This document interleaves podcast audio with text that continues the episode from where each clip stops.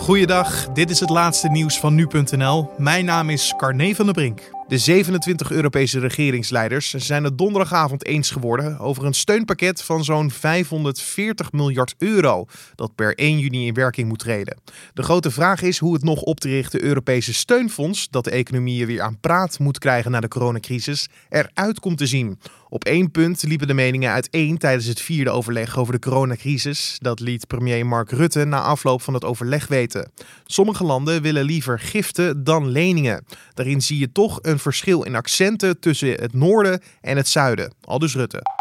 De Britse premier Boris Johnson gaat maandag weer aan het werk, zo meldt de Britse krant The Telegraph.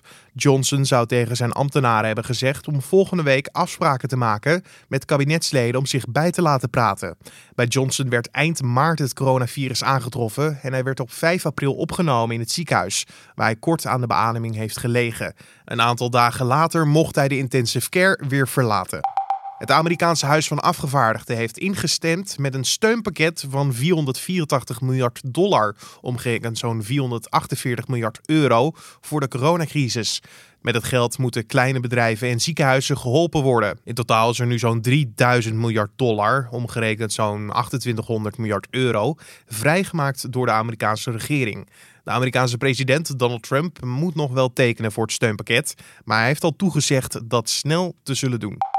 De afname van de wereldwijde insectenstand lijkt minder groot dan gedacht. Dat blijkt uit een onderzoek dat is gepubliceerd in het vakblad Science. Duitse en Nederlandse onderzoekers kwamen in 2017 tot de conclusie dat de insectenstand in natuurgebieden in 27 jaar tijd met drie kwart was afgenomen. Na aanleiding van onder meer dit onderzoek leek er een reële dreiging dat insecten uit zouden kunnen sterven. Uit een nieuw onderzoek concluderen wetenschappers dat er inderdaad een wereldwijde afname is van de insectenstand. Maar de stand daalt wel minder snel dan uit het vorige onderzoek bleek. Wel bestempelen de wetenschappers de afname als zorgwekkend. En tot zover de nieuwsupdate van nu.nl.